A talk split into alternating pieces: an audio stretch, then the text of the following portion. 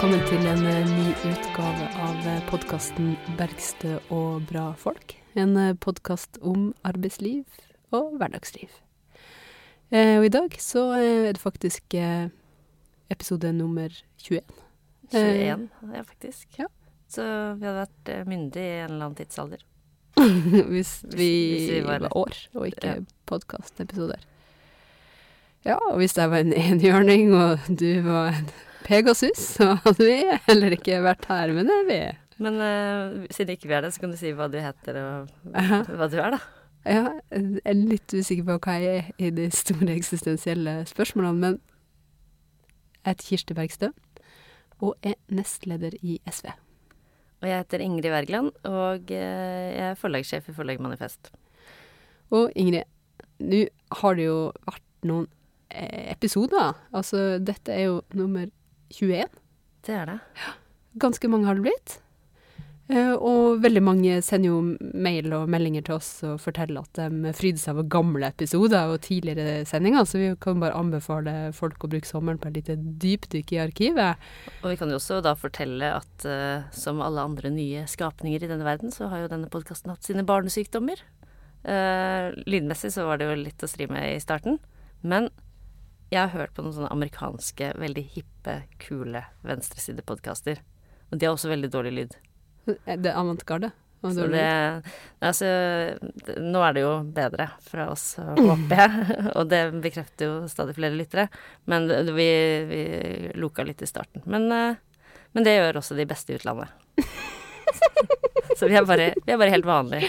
Og så vet vi jo at vi er ganske store i utlandet òg. Ja, ja, det lyttes jo i, i veldig, veldig mange land. Ja. på de rareste Nei, det er ikke noe rart med Kina, men altså mange forskjellige steder. Folk har sittet i Algerie og hørt på Bergstø og bra folk. Mm. Folk sitter i Canada, de er i Nederland, Australia. Eh, og det er jo det som er så spennende med internett. Mm. Men eh, ikke, ikke veldig mange lyttere i Japan ennå. Det hadde jo vært kult å ligge big in Japan. Ja, Big in Japan. Det får bli et eh, mål i året som eh, kommer. Men det har jo vært noen episoder der jeg har vært uten deg. Og det har jeg litt lyst til å snakke om i dag, Ingrid. Ja. Ja. Nei, eh, det var jo eh, Det var jo sånn at i eh, For meg så ble mai og juni bare rett og slett litt borte. Borte. Ja, fordi Fra. Borte fra kalenderen.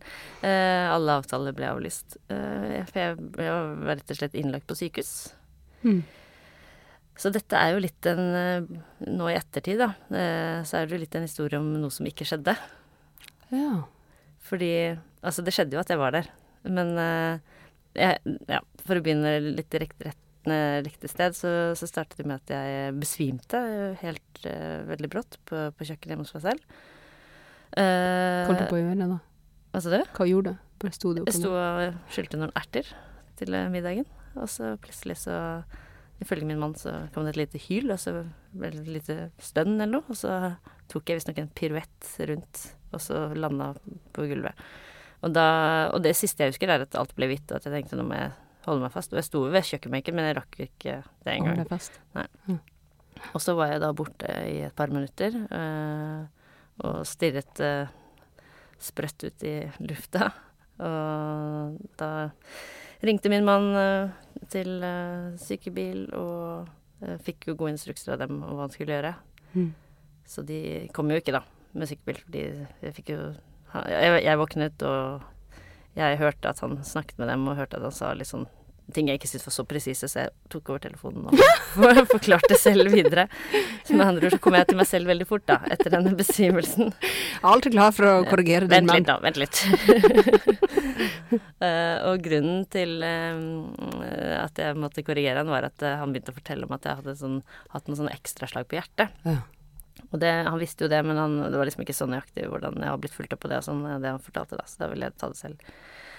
Du bare våkna opp i den samtalen han hadde med Ja, og det var veldig morsomt, fordi han Eller morsomt, morsomt, men det var veldig forvirrende, for jeg skjønte jo ikke hvorfor jeg lå på gulvet, og jeg skjønte ikke hvorfor han satt med telefonen opp i trynet på meg og snakket, og jeg trodde at han snakket med noen fra Fagforbundet Finnmark som hadde ringt meg angående manifest, et eller annet. Så det, jeg trodde at det første jeg sa til han var bare legg på, jeg kan snakke med dem i morgen, det går bra. Nei, Legge på til Fagforbundet Finnmark, det syns jeg er en litt Ikke dårlig sant? reaksjon. Freidig. Men jeg tror jeg Ja. tenkte jeg hadde fri eller noe sånt, men så Du var ikke helt til stede. Det var ikke, ikke det akkurat da, men det var jo bare noen få sekunder. Men det husker jeg veldig godt. Da sier han at det første som skjedde, var at jeg bare veiva sånn avvisende, da. Mm. Men så, så kom jeg til meg selv, og da ja, tok jeg over, da. Og så uh, var jeg kjempevarm, svetten rant. Uh, veldig, veldig ubehagelig. Uh, og jeg skjønte heller ikke hvorfor uh, kona til vaktmesteren var inne på kjøkkenet mitt. For det var jo Ja, fordi hun er naboen vår. Så, så han eldste sønnen min hadde blitt sendt ut for å hente henne, da. Så hun satt og holdt meg i hånda og prøvde å vekke så meg. fint.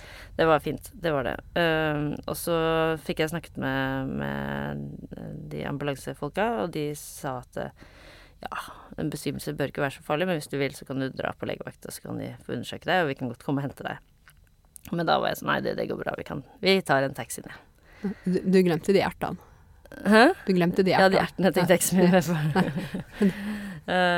på. Men ja, nei, så dro, dro vi på legevakta, og da hadde jo de ringt i forveien og sagt at vi var på vei, så vi ble jo bare skyfla inn og kom inn på et sånt uh, rom hvor eh, jeg ble lagt på en seng, og det kom tre sykepleiere inn og satte på uh, måling av blodtrykk, de tok eh, blodprøve uh, Mm. og eh, satte veneflon, sånn sprøyte i armen, og og, og da fikk jeg da igjen fortalt en historie om at jeg hadde hatt, eh, hatt disse ekstraslagene med hjertet da, som jeg har hatt eh, det siste eller påpekt det siste året. Som du bare oppdaga Som jeg oppdaget liksom egentlig ved en tilfeldighet, fordi jeg, jeg var hos legen for noe annet. At jeg var så svimmel. Og så viste det å være fordi jeg har lavt blodtrykk, da. Og det er ikke så farlig, men det er bare litt sånn Man må bare reise seg sakte og ikke snu seg brått og sånn. Men så fant hun da Siden jeg først var hos henne, så fant hun da disse ekstraslagene. Så da ble jeg sendt eh, til eh, lokalsykehuset vårt, da, som er da Lovisenberg sykehus. Mm. Som eh, er et sånn eh, ærverdig, gammelt sykehus oppe på Sankthanshaugen med fra slutten av 1800-tallet. Ser ut som sånne engelske murbygninger og ja, veldig sånn flott inni en park. Eh, og der eh, ble jeg jo da undersøkt eh, og fikk beskjed om at jeg måtte bli til dagen etter. Og dagen etter var det enda mer undersøkelse. Det var CT av hjernen for å se om jeg hadde epilepsi, og det var ultralyd på hjertet, og det var ja, veldig, veldig mye tester, da. mm. Hvor de da konkluderte med at jeg måtte til Rikshospitalet eh, en uke etterpå. Og, inn, og før jeg fikk dra dit, så måtte jeg bare være på, på Lovisenberg. Da var du innlagt på sykehuset i ei uke. Ja, Mhm. fordi, fordi de mente det ikke var trygt å sende meg hjem da. Og det Dette var da ja, 15. mai, så, så jeg feiret 17. mai sammen med en del eldre, eldre medpasienter, da. Satt vi og så på NRK-sendingen fra Slottsplassen og prøvde å skue etter barna mine som gikk der i tog. Mm. Så klassekameratene deres, ikke dem. Men de kom på ekte da etterpå på besøk, så det var greit. Du fikk feire 17. mai litt. Ja, ikke sant. Det var veldig mye bunadkledde gjester på, på sykehuset. Nei, så det var, eh, det var noen veldig rare dager, da, for da skulle jeg jo liksom bare vente. Mm. Hvordan var det? Nei, det var egentlig helt greit. Jeg fikk, ble veldig godt tatt vare på.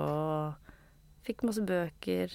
Ble godt kjent med hun søte damen jeg delte rom med, som var veldig plaget av svimmelhet. Ja. Så jeg hentet liksom mat for henne, og hun var billedkunstner og stemte SV og abonnerte på Klassekampen. Og vi hadde det jo fint.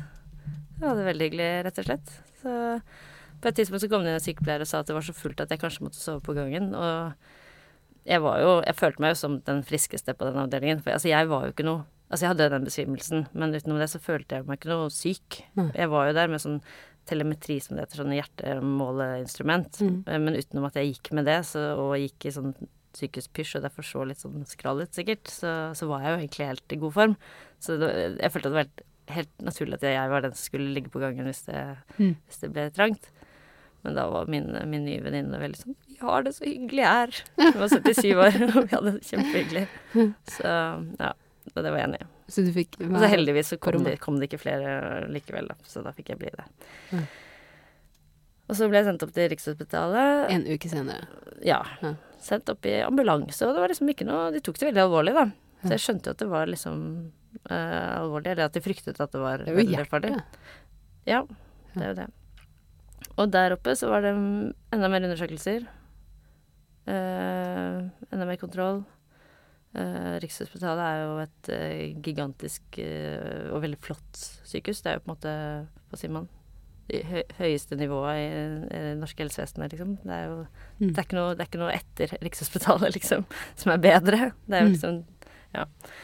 Eh, så den hjerteavdelingen der hadde 33 plasser, og de, mine medpasienter der var folk som ventet på transplantasjon og sånn. Så det var seriøse folk, da, kan du si.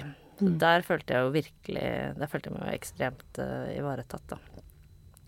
Og der begynte de å sjekke og sjekke og sjekke, og så hadde de sett på noen MR-bilder av hjertet, og så ja, Jeg vet ikke hvor detaljert jeg skulle gå etter, men, men det som etter hvert kom fram, da var at de begynte å lure på om jeg da hadde en veldig alvorlig arvelig hjertesykdom.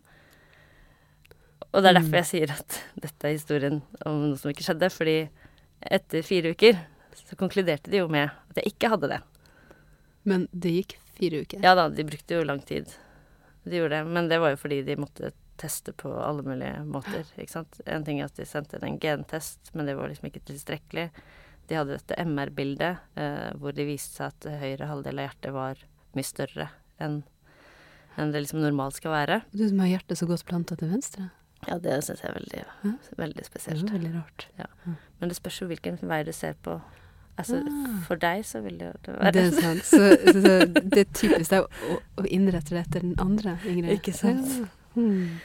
Nei, eh, og Men, det men var det for, en forklaring på det? Ja, det var jo morsomt, fordi da de spurte om jeg trente mye og sånn, og så var jeg sånn Ja, jo, jeg trener litt, da. Du gjør jo det. Ja, jeg er glad i å løpe og sånn. Og så Du løper sånn- maraton. Ja, det var, og det var Du reiser verden rundt og løper maraton. Du har skrevet tekster om at du elsker å løpe. Ja, nei, altså, jeg har løpt, jeg har løpt i New York, og jeg har løpt i Berlin. Så jeg har Og i eget rike. Ja, i Norge også, Ja, i. Norge. Men, Maraton eh, i Norge. Ja. I Oslo har jeg løpt to ganger. Men det var det som var morsomt, fordi jeg sa ja, ja, nei, jeg, jeg trener noe, noe litt, eller jeg trener jo en del, kanskje. Og så sa han ja, ja, men det er ikke sånn at du løper maraton, liksom. Jo, faktisk. så, men altså, løp maraton høres ut som noe jeg gjør hver helg. Altså, jeg har løpt, jeg løpt fire maraton, ett maraton i året de siste fire årene. Ja, men du vet jo at for oss som ikke løper maraton, så er dere ganske gæren. Ja. Ja, dere er sånn ekstremt trente folk som løper i flokk på asfalt i mange, mange mil om kapp eh, med seg sjøl og om verden. Og betale for det. I tillegg! Ja. Ja, og det, med grunnen til at han stilte dette spørsmålet, var jo da at, eh, at eh, hjertet kan jo forandre seg litt av veldig hard trening. Sånn ja. at eh, den, den forstørrede delen, av hjertet mitt antakeligvis kommer av trening, da. Så det er en teori, da. Men altså, men- jeg har jo nære mennesker rundt meg som har vært sånn Ja, du trener ikke så hardt, da. Men det er nok det som er forklaringen, da. Så, så det er rett og slett det. Men det som, grunnen til at jeg syntes at det var ekkelt med den uh, forstørrede høyre halvdelen, var jo at uh, Altså, alle kan jo bli forskrekket av at høyresiden vokser. Ja. Men, eh, men i denne sammenheng så var det da at det kunne være et symptom på denne Ah. grusomme, eh, onde, arvelige hjertesykdommen som hvor musklene i hjertet omdannes muskel, Altså muskelcellene i hjertet omdannes til fett. Snakk om å bli lurt av kroppen sin. Ja, det er ikke bra. Nei, så den, eh, sånn at de, de begynte jo eh, Og i løpet av disse fire ukene det tok før de, før de slo fast at de ikke hadde det, så, så antydet jo det at det var det de drev og undersøkte, da. Ja. Men jeg tok det liksom ikke helt innover meg. Så Men fire uker. Fire uker med en eh, potensiell uh, arvelig, Ja, alvorlig sykdom hengende over deg. Ja, men de hadde ikke Jeg vet ikke. Altså, jeg, enten så er jeg litt for liksom happy go lucky at jeg liksom tenkte, tenkte at, at jeg ikke tok det helt innover meg. Eller så klarte jeg å lytte til min uh, kloke brors råd, som var at uh, Ja, du har jo to brødre. Hvem er han? Ja, var, begge, begge kom med gode råd hele veien, men dette var den eldste broren min, da. Mm. Han sa at uh, det er jo ikke vits å bekymre seg før du vet at det er noe å bekymre seg over. Og det er et godt generelt eh, råd i livet. Absolutt. Fordi at tar du bekymringer på forskudd, så betyr det faktisk at du må ta dem to ganger.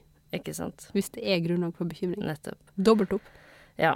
Så det Lettere sagt enn gjort, da. Ja, Ja. men jeg, jeg tror jeg klarte, jeg klarte litt det, altså. At, jeg, at det, ja, at jeg ikke tenkte for, for mye på, på det. Mm. Men så Men ja. Og så var det flere, sant, det var flere runder med at de var inni hjertet.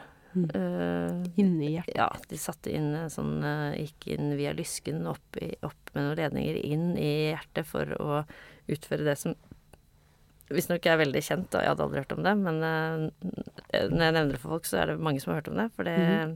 det utføres ganske ofte. Det er et ganske enkelt inngrep som heter ablasjon. Og ablasjon, det betyr rett og slett at de da Nå skal ikke, må ingen bruke denne podkasten som et sånn medik medisinsk leksikon etterpå, da, men jeg tror jeg kan gjenfortelle ganske riktig. Redd for å. Pensum, pensum på en medisin, Uh, lytt til den. Nei, men at de Og neste sending blir platin. At de i hvert fall går inn i hjertet da med disse ledningene, og så eh, skulle de finne dette, disse ekstraslagene mine, da. For, da.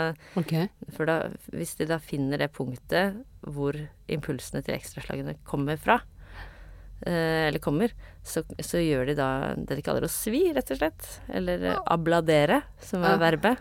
Eh, og at de, fordi en av disse ledningene har da eh, kan da sende røntgen eh, Nei, ikke røntgen, radiobølger veldig fort. Sånn at det svir. Så fort at det svir. Og da dannes det et arrvev i, i, på det punktet i hjertet. Og det arrvevet vil da være så skadet at de ikke klarer å ta imot de impulsene som kommer fra dette liksom eh, ja, eh, anarkistiske stedet som ikke skal sende sånne impulser, da. Det er helt vilt. Det er helt vilt at man kan gjøre sånt. Ja, det er ganske vilt. Obladi, oblada, obladere. Ja, da, så den, eh, den, eh, det inngrepet, da, det, det var jo da veldig high-tech, da. Det, var, det Ja. følte jeg var med i en sånn science fiction-film. Var du våken når det her skjedde? Ja, det var jeg våken. Fikk du Eh, følge med? Ja, eh, jeg lå på en sånn eh, operasjonsbenk. Eh, De kalte det ikke operasjonssal, de kalte det laboratoriet, da. Så det var enda mer crazy. Og der var det én lege. eh, Alle de andre gikk ut da de skulle begynne prosessen pga. Liksom, røntgen og sånn. antageligvis. For jeg Mm. lå på et sånt røntgenbord.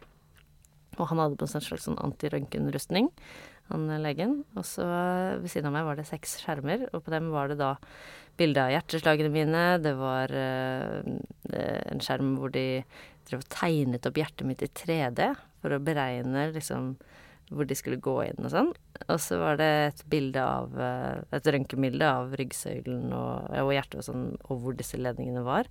Mm.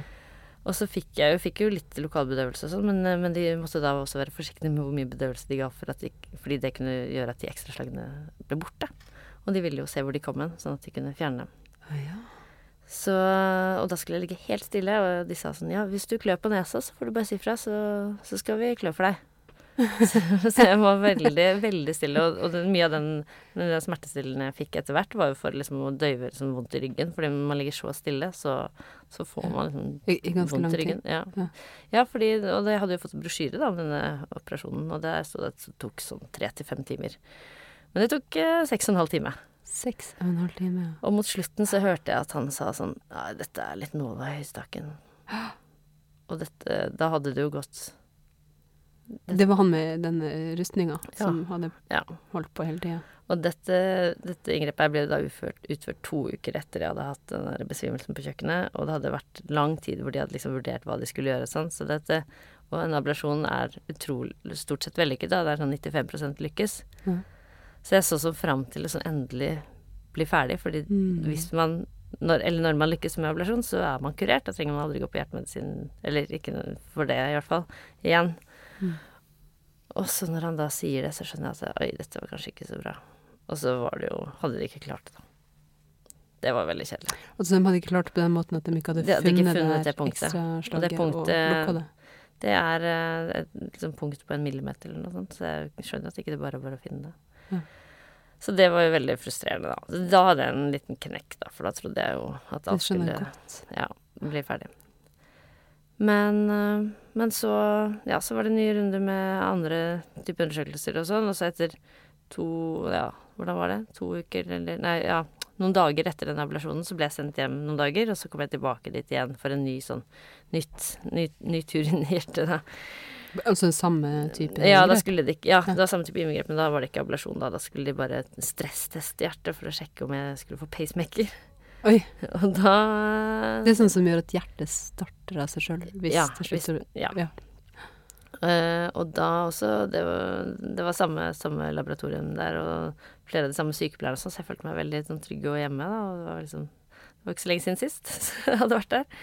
Og da Det de gjorde, da var de Da sendte de inn noen impulser for å liksom ja, teste hjertet, da, på en eller annen måte. Um, jeg, jeg, mener at jeg satte meg ikke så veldig inn i hva de skulle gjøre. Jeg stolte veldig på disse folka. Ja, det er mye teknisk og mye medisinsk kunnskap. Men det som i hvert fall skjedde, var at eh, jeg lå der og slappet av, og så plutselig så begynte hjertet bare å slå sånn kjempehardt. Mm. Som om de liksom hadde satt inn et testhjerte. Bare dum, dum, dum, dum. Følte at det bare sto ut av brystkassen. Um, og det gikk veldig fort. da, Da var jeg ferdig på en times tid. Og da var de sånn Det var da stressen? ja, de, ja, eh, for å sjekke om jeg da kunne være ute i den frie verden uten alle mulige hjelpemidler. Og så var de Nei, men du har kjempefint hjerte. Dette går bra. Ferdig. Det var det. Ok. okay ja. Og, dag, og det virket som det var den siste liksom, testen for å se om jeg hadde denne fæle sykdommen eller ikke. Og dagen etter så kom den legen til meg og fortalte at jeg ikke hadde. så det var, det var liksom Ja, neimen, så fint. Så da ble jeg veldig glad. Da ble du veldig glad. Og da ble jeg veldig mye gladere enn jeg hadde vært stressa, på en måte. For jeg hadde jo liksom ikke vært Jeg føler ikke at jeg hadde vært så tenkt så mye på Eller vært så angstfull. Da kom liksom alle tankene om at uh, Ja. jeg har fått liv i gave. Um, jeg bør ikke være redd for at barna mine har dette her. Ikke Så sant? det var det var arvelig, ikke sant? Ja. Ja. Altså, det var, det var en sånn enorm lettelse, da. Så det var eh, Nei, det var veldig fint. Så, så fikk jeg jo Så da fikk jeg jo da dra hjem, og så jeg, måtte jeg være hjemme enda en uke da, fra, fra jobb, for, å, for da kunne jeg ikke løfte ting, og måtte ta det med ro og sånn da, av dette inngrepet i lysken, da. Mm. Så da pusla jeg bare rundt meg selv og begynte å kjede meg veldig da den siste uka da jeg var hjemme. Så det var jo et godt tegn. Jøss. Men du, det er jo helt fantastisk. Det er det. Altså, du er jo helt fantastisk. Og det å få eh, livet i gave er jo en helt fantastisk opplevelse. Og ikke minst altså den, eh, den eh, ivaretakelsen som jeg opplevde, som var helt Altså den, den følelsen av at At alle, alle rundt meg Det eneste de ville, var å hjelpe meg å, å finne ut hva, hva, hva som, som var problemet. Det var jo helt Ja. Helt utrolig fint å oppleve, da. At det var liksom Det var bare, det var bare hjelpere på alle kanter, liksom. Det var så så mye fine folk, så mye fine pleiere, fin ambulansepersonale, Mm. gode medpasienter som hadde fine samtaler med, som var alle eh, Altså, jeg har jo aldri vært pasient så lenge noen gang eh, i mitt liv. Mm. Um, og det å, å snakke med, med folk om eh, For det, det er jo det man har til felles, da. Man deler jo, deler jo det at man er syk. Mm. Og alle, alle samtalene som kom i gang med det, sånn, ja, som en største naturlighet. Mm. Det, det var også veldig fint, da. Veldig mye Blant annet en fyr som skulle få hjertetransplantasjon, som jeg hadde utrolig hyggelige middager med liksom flere dager på rad, for han gikk nå bare der og pusla og venta på prøver og sånn. Og Ja. så satt vi og prata om alt mulig rart. Det var Veldig fint. Og da må jeg spørre, hva kosta det her? Men det var jo gratis, da. Nei, jeg har betalt veldig mye skatt opp igjennom, da, så det var vel Nei, altså, vet du hva, det jo Det har jeg jo tenkt på. Altså, hva ville dette kostet hvis det hadde vært Du må få sånn T-skjorte. Sånn, hva fikk du igjen på, ska fikk du igjen på skatten i år? Ja. Livet i gave. Ja. Og Nei, altså det Altså, det blir jo helt bare sånn t- tulleanslag fra min side, da, men man kan jo gjette kanskje en halv million, da, jeg vet ikke hva det koster å ha noen til så grundige undersøkelser inn i, i Altså, av de fem ukene så var jeg innlagt i tre av dem, liksom. Det var jo med høykompetente Altså Norges aller flinkeste folk. Uh, nei, det er eh, det er, det er, ganske, det er ganske spesielt å, å tenke på hvor, eh, hvor, hvor, hvor flott, flott eh, systemet er. Og dette var jo for å sjekke om jeg hadde en alvorlig sykdom. Altså, det var jo ikke engang sikkert jeg hadde det. Altså, de, de trodde jo det åpenbart at jeg hadde det, siden de, siden de tok det så alvorlig. mm. Eh, men også den derre Den iherdigheten og, og eh, fagstoltheten og ønsket deres om å faktisk liksom komme til bunns i hva dette er, da. Mm. Det opplevde jeg som utrolig fint også. Man For- føler seg så verdsatt som Ja. menneske, da. At det, at det å bo i et land hvor vi har skapt et samfunn hvor, hvor hver eneste er så verdifull, da. Uavhengig av størrelsen på pengeboka, Mm. eller om man har eh, forsikringene i orden eller ikke. Mm. For i mange land ville du endt opp med gjeld oppunder eh, taket. Ja, ja, det er helt vanvittig. Ja, du hadde jo ikke hatt noe tak. Du hadde jo måttet selge, selge, selge det du hadde for Ja, å kunne sant. betale sykehusgjelda. Og så, for å gå tilbake til liksom forhistorien til før denne besvimelsen og sånn, så har jeg jo da det siste året gått til en sånn hjertespesialist som har, eh, som har fulgt med på meg. Da hver tredje måned så har vært hos han og, og fått en sånn døgn-EKG da hvor de har målt hjerteslag og sånn da, for å se om, om, eh, om hvordan eh, disse ekstraslagene har vært. Eh, og det har vært veldig sånn Han har jo sagt sånn Nei, det er ikke noe utvikling her, men jeg syns vi skal komme tilbake om tre måneder. Og, så, og det var det sånn andre gang, og det fortsatt ikke hadde skjedd noe, liksom. Mm. Det ble litt sånn Hvis jeg hadde levd i et land da hvor jeg måtte betale han hva vet jeg, 5000 kroner hver gang jeg skulle til han, eller 10 000, eller hva det måtte koste, liksom. Mm. Eh, når det var så uavklart da, hva dette var for noe, hva som var hensikten med det, så er det jo ikke sikkert jeg hadde tenkt sånn Er dette egentlig så veldig viktig? Mm. Men det derre Nå kunne jeg bare fullstendig stole på hans eh, faglige vurdering, da. På at det, jeg syns vi skal følge med på dette her. Eh, og, så, og så kom det jo en utvikling med, med, at, eh, med at han så at jeg hadde da ja, flere ekstraslag på rad osv., og at han ble bekymret for det, og derfor sendte meg til, til MR-undersøkelse osv. Og, og det er også bare det, det er jo fordi han, han vet hva han driver med, da. Og ikke fordi han, han sitter og, og, og liksom pumper meg for, for mine, mine sparepenger, liksom. Og det er jo Det er jo det er bare Det er så tydelig hvorfor, hvorfor helsevesenet må holde så langt unna markedsmekanismene som mulig, da. Mm. så det er ren faglige vurderinger som er gjort, og at alle blir tatt uh, Mm. ivaretatt, ideelt Mm. sett i hvert fall. Mm. Ja. Det, og det er jo den eneste måten man, man kan eh, sikre en rettferdig tilgang til helsehjelp på. Det er jo at vi eh, det er, bare, det er bare i fellesskap at vi kan stille opp for hverandre på en, på en sånn måte. For det kan vi ikke, de fleste av oss, ikke være for oss.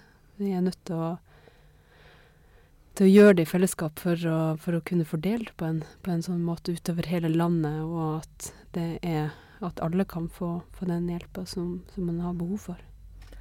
Jeg møtte en eh, bekjent eh, mens dette pågikk, da. Mens denne prosessen var, og det fortsatt var uavklart og sånn. Og så fortalte jeg, Det var like etter jeg hadde hatt denne Altså det var liksom midt i disse ukene, da. Eh, så fortalte jeg noe om alt jeg hadde vært igjennom, og denne, at de fortsatt ikke helt visste hva det var, og at det var sånn uavklart og sånn, men at jeg hadde hatt denne ablasjonen. Men så nevnte jeg da eh, litt det vi har snakket om nå, da, at det, Mm. det er jo godt å bo i et land hvor ikke jeg liksom måtte betale av egen lomme. Altså hva, man kan bare se for seg hva en operasjon i seks og en halv time med liksom tre-fire leger og like mange sykepleiere eh, ville kostet Mm. privat, da. Altså, man kan jo gjette et par hundre tusen, liksom. Så sånn Ja, nei, men det var det egentlig jeg tenkte å si, fordi du har ikke tenkt å gå på Volvat, da? Og jeg bare Hæ, hva da, Volvat? Nei, der er de jo veldig flinke og Sånn for å få en sånn second opinion, liksom. Jeg var sånn Nei, jeg tror ikke de gjør dette på Volvat, liksom. Og dessuten, hva ville det kostet? Og dessuten Altså, det var jo mange ting jeg tenkte på etterpå som jeg kunne sagt. Da. Altså, hvis de hadde gjort det på Volvat, mm. altså, og hvis jeg hadde hatt en forsikring som hadde dekket Altså, jeg vet ikke hvor jeg skal begynne. Uh, For Volvat er sånn private eh, ja, private Helsetilbud eh, Tilbud. Ja. Og hvis det hadde vært noen leger som hadde gjort dette på Volvat, så ville jo de vært antakeligvis de samme som jobber på Rikshospitalet, som kanskje bare jobbet der litt på kvelden. Altså dette er jo fagkompetanse som er så eh, Spesialisert, og, og, og, og at det ville vært også helt sånn meningsløst å gå der. Det er ikke noe sånn, det er ikke snakk om noe second opinion. Men hva er Altså, med det? Nei, altså, Second opinion. Second opinion, altså det er jo flott at det skal være flere vurderinger, men altså det er jo kjempemange leger involvert på Rikshospitalet når de gjør en vurdering av meg. Så det, det Ja. finnes jo, det finnes jo femte og sjette vurdering der oppe, liksom, allerede. Pluss at det er bare Nei, hun bare Nei, hun hadde vært der og vært så fornøyd. Så bare Ja, men nei, liksom. Og det er så trist, da, at man må Mm.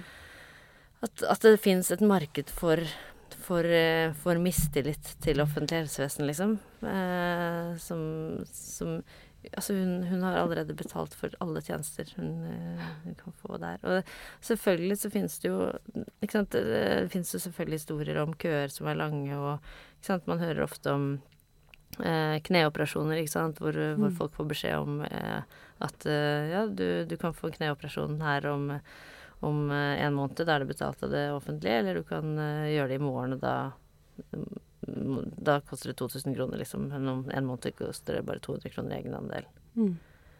Fordi det fins et privat marked som opererer på den måten. Mm. Og et finansieringssystem som legger opp til det. Absolutt. Og, og det er jo Og det er jo bare så dårlig bruk av penger, da. Det er dårlig samfunnsøkonomisk, det er dårlig bruk av ressurser. Mm. Men, eh, men, det er jo som det, det, er jo Når det er akutt, altså når det virkelig gjelder, så er det jo så er det jo ikke Finnes det jo ikke kø. Altså det er det, er det Da åpner alle dørene seg, da. Og derfor er det så viktig å beholde kompetansen der også. At mm. det er um, At man har um, helhetlige tjenester. For det er jo klart at det er jo veldig mye lettere for, å kunne, for, for et privat firma å spesialisere seg på ja, kneoperasjoner. Mm og gjør det som en sånn samlebåndsgreie. Mm. Lite komplisert, du blir kjempegod, gjør det unna kjapp, kjapp, kjapp, og så, har mm. du, så blir liksom de, de kompliserte, sammensatte mm. eh, Kanskje vanskeligere sakene blir igjen i, eh, i det offentlige. Eh, og da melkes jo alle ressursene ut. Mm. Eh, og så får man de virkelige eh, krevende eh, tilfellene igjen. Og det, sånn kan vi jo ikke ha det. Nei. Og så er det jo en ekstrem forskjell, ikke bare på, på, i forhold til klasse og i forhold til økonomi, hvem som har råd til det og ikke, men også i forhold til geografi. Mm. Fordi, eh, for å si det sånn, det er en grunn til at eh, kanskje Volvat ikke fins i Nesseby. men eh, ja, som jeg, som jeg, var inne på i sted, altså, jeg opplevde jo virkelig at sånn, alle dører åpnet seg og sto på vidt gap for, for, mm. for, å hjelpe meg når jeg opplevde dette. Og det er jo også noe jeg har tenkt på etterpå, at det, det er jo ikke noe som gjelder uh, alle sykdommer. Og da tenker jeg ikke liksom nødvendigvis på kneoperasjoner, men uh, Men uh, ja, hva skal man si Psykisk helse. Mm.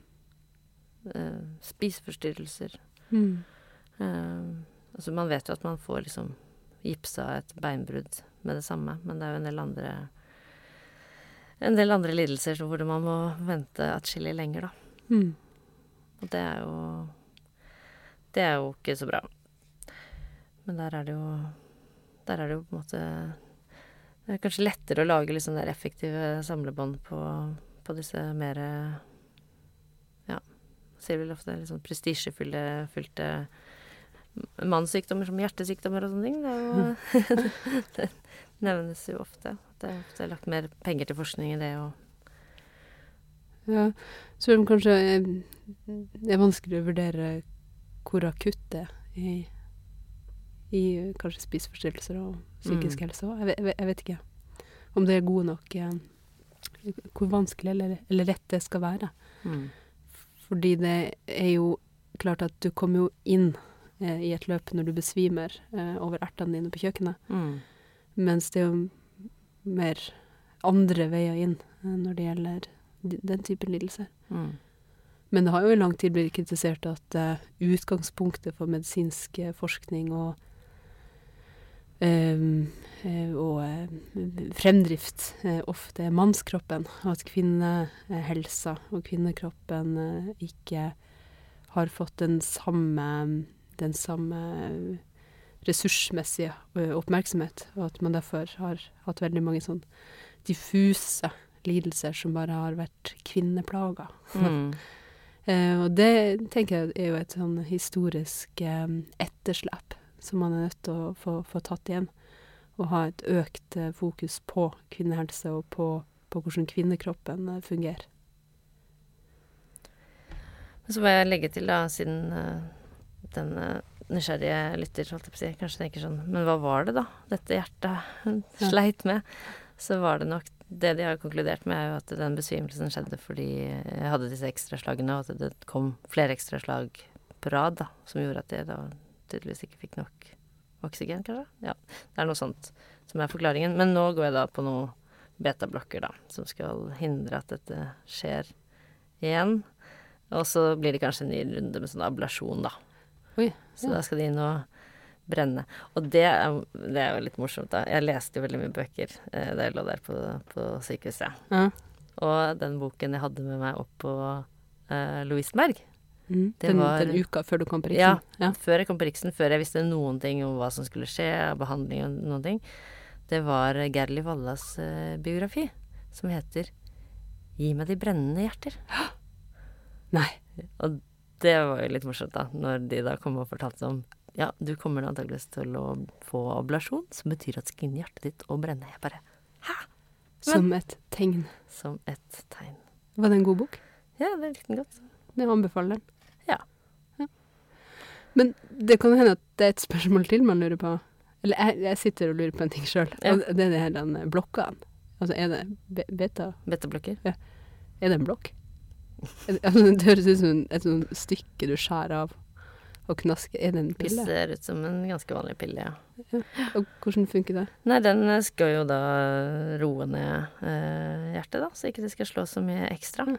Så det Jeg har jo aldri merket disse ekstraslagene, da, men jeg hadde visst så mye som annethvert slag var et sånt ekstraslag. Oi, jeg, men eh, jeg har ikke vært noe plaget av det sånn eh, Jeg har ikke kjent det, liksom. Men disse betablokkene fjerner dem, da.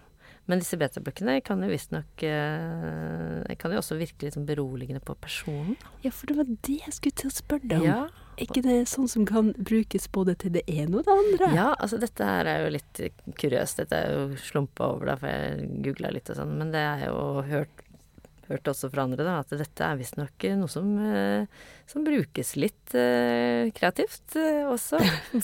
Men altså helt konkret, eh, i det klassiske mus musikermiljøet, så, så er dette en eh, liksom, diskusjon om det er greit eller ikke å bruke litt betablokker når man er veldig nervøs før en konsert.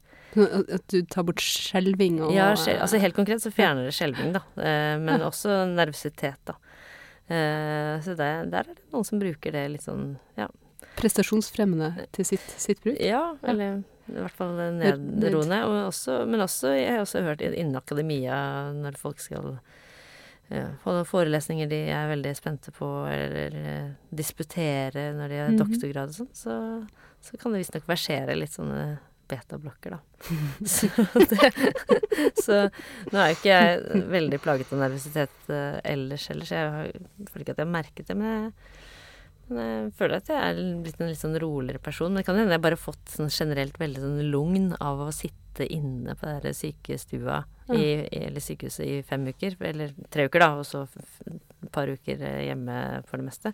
Fordi jeg da, jeg- var på sykehuset, så hadde jeg jo som nevnt dette telemetriopplegget, som er sånne der punkter med elektroder for å måle hjerterytmen.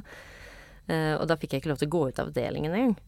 Fordi det var jo koblet til et sånt da, ja, overvåkningsrom der hvor de satt med veldig mange skjermer og så på folks hjerterytmer.